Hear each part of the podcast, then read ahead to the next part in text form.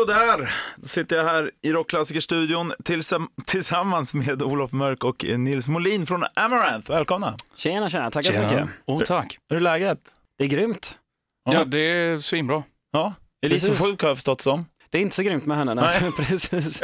Så att vi har en liten eh, releasefest eh, slash eh, releasegig på Bengans i Göteborg imorgon så att hon måste spara rösten tills dess. Ja. Så hon åkte på en rejäl förkylning på- under vår Israel-tripp i helgen. Precis. Mm. Och sen har vi ju en stundande turné som drar igång här alldeles strax. Så att det eh, fi- finns det läge att vila så mycket det bara går så ska man väl göra det.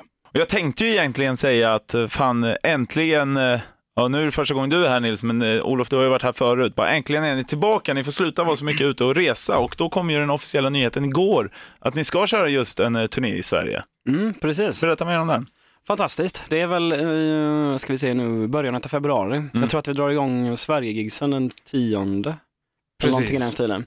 Vi spelar i Stockholm den 13 februari Ja. på klubben. Så då får alla som lyssnar i Stockholm ta sig dit. Ja, men Det det, är flera, datumet som jag hade i huvudet. det, är flera, det är flera platser ni åker till, men vad, vad är det bästa med att spela i Sverige då? det är givetvis skitkul att spela på hemmaplan, spela in för familj, bekanta, vänner och så vidare. Och hade ju ganska bra kör redan från början med första plattan här i Sverige. Så att det är kul att följa upp det. Vi har inte haft så mycket möjlighet att spela i Sverige på ganska lång tid. Så det, det känns verkligen som att bokstavligen tillbaka, kommer tillbaka hem. Ja men verkligen, jag kommer inte heller ihåg när ni körde i Sverige sist faktiskt. Det måste varit rätt länge sedan. Nils, du är ju så att säga ny medlem i bandet, om man nu kan använda det uttrycket som ny, men eh, det får man väl säga ändå. Hur eh, känns det att vara med i det här gänget? Hur har det gått och allt sånt? Nej men det känns kanon. Ja, jag har ju varit med här nu i nästan ett och ett halvt år. Ja, det var Jag har åtminstone turnerat med det här bandet i ett och ett halvt år. Så vi känner ju varandra ganska väl. Och jag är ganska inkörd i det hela, så att säga. Nej men det känns eh, svinbra. Men hur är det att komma in i en sån här ändå stor grupp? För det finns ju en viss gruppkemi där redan. Alltså anpassar man sig eller, eller hur kommer man in på bästa sätt? Liksom? Ja, det är ju, naturligtvis så är det ju en eh, fas när man måste lära känna alla och känna av stämningen lite grann och sådär. Men det var ett väldigt varmt välkomnande från hela Amarant så att inga problem direkt. Så stark nollning utav growlare Hen- Henrik också. Jo, ja, Så fortfarande pågår fram till idag. exakt. Vadå, berätta mer om det. ständigt pågående nollning tror jag. Man kan säga så här, för att um, uttrycka sig diplomatiskt, så Henke är inte den som säger nej till en riktigt bra fest efter ett eh, riktigt bra gig. Nej. Där alla är på gott humör och då vill han gärna ha lite sällskap. Så att ibland är han på mig, väldigt ofta är han på Nils. Ja, Det är du som får Det- bära den. Och det säger vi med ett leende på läpparna. Vi älskar Henrik och hans glada Ja. humör. Sen eh, är det ju lite så att man är inte heller kanske den som alltid säger nej till en rolig fest. Så att eh, han, eh, hans nollning har väl liksom bara fortsatt och jag antar att det, det kommer fortsätta på dem, i de hjulspåren i all framtid. Ja, exakt. Precis. I all framtid. ja. Bästa Exakt. sättet att komma in är bara att dricka massa bärs och löser sig. Oftast i alla fall. Nya plattan Helix släpps imorgon. Ja, Eh, och eh, jag lyssnade in den senaste singeln här nu, Inferno, när jag gick hem från jobbet någon kväll här rätt seg i skallen och det var som att eh, komma, öppna dörren och så kom låten på och så boom, slår en storm dig i ansiktet. Jäkligt mycket energi, skitbra. Verkligen. Är hela plattan så eller är det mer, eh, finns det några lugna in, eh, inslag och sånt också? Jo, som sagt, det finns en schysst eh, dynamik på det hela. Vi har ju ett par eh, lite mer balladliknande spår, men det är, tanken med plattan är att även de softare låtarna har ju enormt stark intensitet. Så att det är en 41 minuter kort, intensiv energiinjektion nu så här i hösttider kan man säga lite grann. Så att det, den är väl lite mer diversiv, men samtidigt mer koherent än de tidigare plattorna med fokus på energi. Jag har alltid tänkt på det också när ni nu är så, så många vokalister i ett band. Hur jobbar man rent eh, när man skriver musik och så vidare då? Än när det traditionellt enligt kanske bara är en. Jag brukar göra jämförelsen att det är lite som att um, vara en konstnär och ha många färger på sin palett istället för bara måla med rött överallt. Liksom. Så, så har det ju otroligt mycket mer nyansmöjligheter. Men någon brukar ju falla på plats ganska naturligt. Ska det vara aggressivt och, och tungt och hårt så är det ganska naturligt att det är Henrik. Och tidigare så har det varit lite mer att Elise sjunger de högre registren och så har Jay kommit in någonstans där mittemellan. Um, men Nils har ju ett fenomenalt register, nu ska vi inte jämföra sångare, alla har ju sina fördelar. Mm, så att han har klivit in på ganska många ställen där man förväntade sig att Elise skulle sjunga. Ja, Så att det har skapat en ganska intressant experimentlusta i studion också. Kan man säga. Men är det då du och Elise Nils som, som bara, men jag, jag kan köra här, eller kör du det? Eller? Alltså vi testade ju, när jag kom ner i studion och skulle lägga mina prylar så var det mycket en, en fas, i och med att det var den första plattan med mig, så att lära känna vad, hur jag kan passa in i Amarant-soundet och så vidare. Så att det var väl mer än, vi hade några partier här och så testar man så hur låter det och så, så switchar man lite mellan mig och Elise, vilka som låter bäst och så vidare i olika register. Så att eh, det var en helt ny situation för min del kan jag säga eftersom att jag tidigare alltid har varit ensamsångare och så vidare. Och så här. Men det är väldigt lärorikt, väldigt kul, väldigt Ja. spännande. Ja, men häftigt. Ja, men precis som du säger, att man kan experimentera då lite så här, ja men det här funkar ju skitbra. Och så vidare. Jo, precis. Och speciellt efter Nils har lagt eh, de första par låtarna så hörde man ju potentialen också. Vad, var han skulle kunna passa bra någonstans. Liksom. Så det, var, det var spännande. Senast du var här Olof eh, så var ju Elise också med och då pratade vi om eh, Grammisnomineringen ni hade för Årets hårdrock och metal för plattan Just. Maximalism. Vad hände? Ni vann ju inte, ni skulle ju göra det.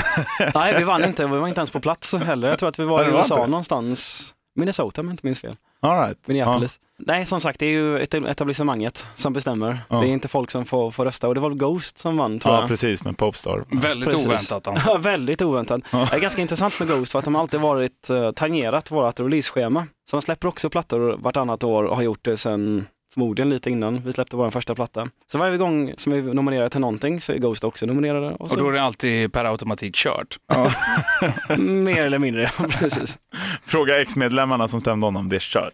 Det är kört Eh, ja, precis. Men eh, det var också så att Elise fyllde år här i måndags. Eh, Ja, vad fick hon i precis. present? Eller hur firade ni det? Vi firade det genom att flyga hem från Israel. så vi, satt, vi satt på flygplanet och det är ganska intressant. Hon fick en väldigt speciell gåva utav mig. Det var ett, stenar från Jerusalem.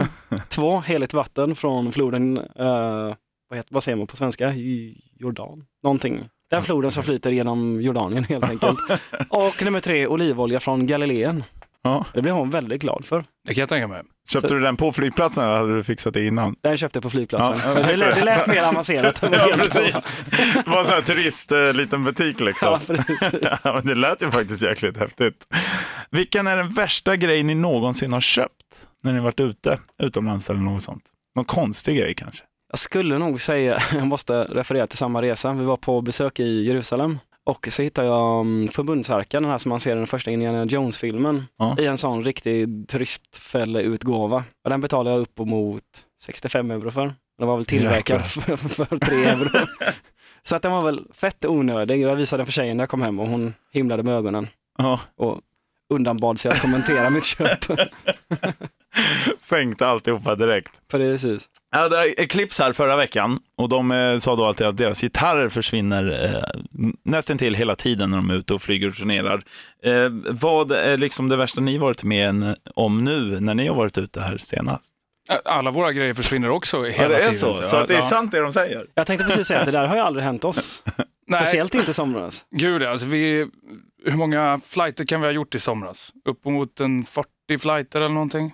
Tror det slutade på 51, 52, Ja, någonstans där. Där någonstans. Ja. Och eh, jag, jag, man tappar räkningen på hur många gånger som saker har försvunnit under den här sommaren. Och det värsta exemplet var ju när vi skulle spela på Vacken eh, med vår utrustning. Och så, när vi kommer fram så, vi ska spela dagen efter, Mhm, precis. får vi reda på att morgonen. allt vårt bagage är borttappat och inte kommit fram.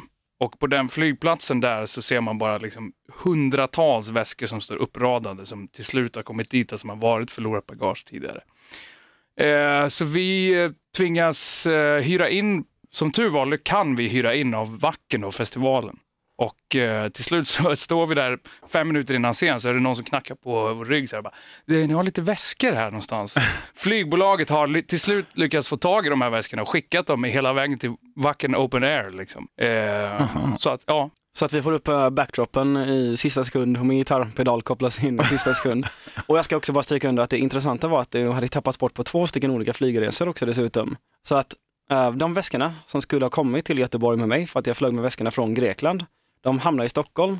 Uh, gentlemännen från Stockholm som skulle flyga därifrån till Tyskland plockade upp dem på flygplatsen. Ja. och där försvann de också. så att det var sånt dubbelt försvinnande. Och det är bara ett litet exempel, ett litet axplock på hur den här sommaren har varit. Jag ska säga att hälften av flygresorna totalt sett hade antingen ta- borttappat bagage, inställt flyg eller kraftigt försenat flyg. Men är det så att ni nästan räknar med det numera då? Jo, det är lite sån, Under den här eh, sommaren i alla fall. Ja. sån flygplatsbingo. Borttappat bagage, bingo. Men brukar det lösa sig sen att det alltid dyker upp eller kan det, har det liksom helt försvunnit ibland? Jag tänker på gitarrer och sånt. Det är Nej, och- tråkigt om det försvinner. Precis, nej, och, otroligt nog så har ju ingenting försvunnit permanent i alla fall. Det får man ju åtminstone ge dem. Mm. Ja, Alltså det var, var väl kanske den vacken-incidenten där det, var, där det kunde ha slutat riktigt illa när det, när det faktiskt, vi hade fått någon av väskorna som vi absolut måste ha, som vi inte kan ersätta med inhyrd utrustning och så vidare. Och den hade de av ren slump inte tappat bort, utan den hade vi fått med oss då. Och hade inte den tappats bort, då vet jag inte riktigt hur vi hade lyckats lösa det. Nej, då blir det ett svårlöst problem. Ja, verkligen. Vad sker nu innan eh, Sverige-turnén här framöver då? Nu ska vi runt i Europa som 17. Eh, vi börjar nästa vecka. 25 va? 25 i Paris, ja precis. Eh, och sen kör vi eh, en Europaturné med uh, Powerwolf i en månad framöver och sen kör vi ett par Norge-gigs och sen i årets slut och sen drar vi faktiskt ut med Powerwolf igen. Ytterligare tre veckor och täcker upp lite territorier som inte kör på den här turnén. Och sen som sagt är det dags för Sverige-gigs. Sen eh, drar vi till Japan och sen kanske, kanske Australien. Vi ska väl till USA snart också. Full Så att- rulle, full rulle hela Det är tiden. Helix World Tour helt enkelt. Har ni någonsin tid, eller gör ni det i alla fall, eh, att ni firar så här högtid? Jag tänker på nu är det snart halloween, sen blir det jul och så. Hur gör ni när ni är ute hela tiden? Finns det några att ni verkligen bara, ja men vi firar kvittar vart vi är? Nej. Eller ni bara, ja, fan vad är det för någon dag typ? Mer åt det hållet. Jul brukar vi Precis. väl, eh, som jag har förstått har väl alla alltid varit hemma på jul i alla fall. Alltid varit eh, heligt ja, precis. Man har haft många intressanta arrangemang kring eh, midsommarafton. Att man har landat precis innan midsommarafton, alltså eller innan lunchen där på eftermiddagen eller åkt iväg direkt efter den här lunchen och ibland firat midsommar med sill och nubbe och så vidare på någon festival ute i Europa. Ja, För några år sedan minns jag att vi gjorde det. Så att eh, man försöker väl anpassa sig lite grann. det måste ju vara skitkul när man sitter på en festival någonstans i Europa och ingen förstår vad ni håller på med. Nej, man, ser- man ser det på de andra svenska banden också, att de brukar vara ganska duktiga på det. In Ja. Flames och Dark Tranquility till exempel. Så att det blir livad eh, stämning i den svenska avdelningen. Så är det. Ja, men tack så jättemycket för att ni kom hit. Ser fram emot eh, då släppet imorgon med Jajamensan. Helix och eh, sen framförallt också att ni kommer tillbaka och kör lite här på hemmaplan. Absolut. Fortsätta med då, hoppas vi syns då. Jajamän, hoppas jag med. Ha det Ja. gott! Ha det gott, tack. Ciao, ciao.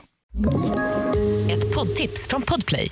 I podden Något Kaiko garanterar östgötarna Brutti och jag, Davva, dig en stor dos skratt. Där följer jag pladask för köttätandet igen. Man är lite som en jävla vampyr. Man har fått lite blodsmak och då måste man ha mer. Udda spaningar, fängslande anekdoter och en och annan arg rant. Jag måste ha mitt kaffe på morgonen för annars är jag ingen trevlig människa. Då är du ingen trevlig människa, punkt. Något Kaiko, hör du på Podplay. Därför är gardinerna.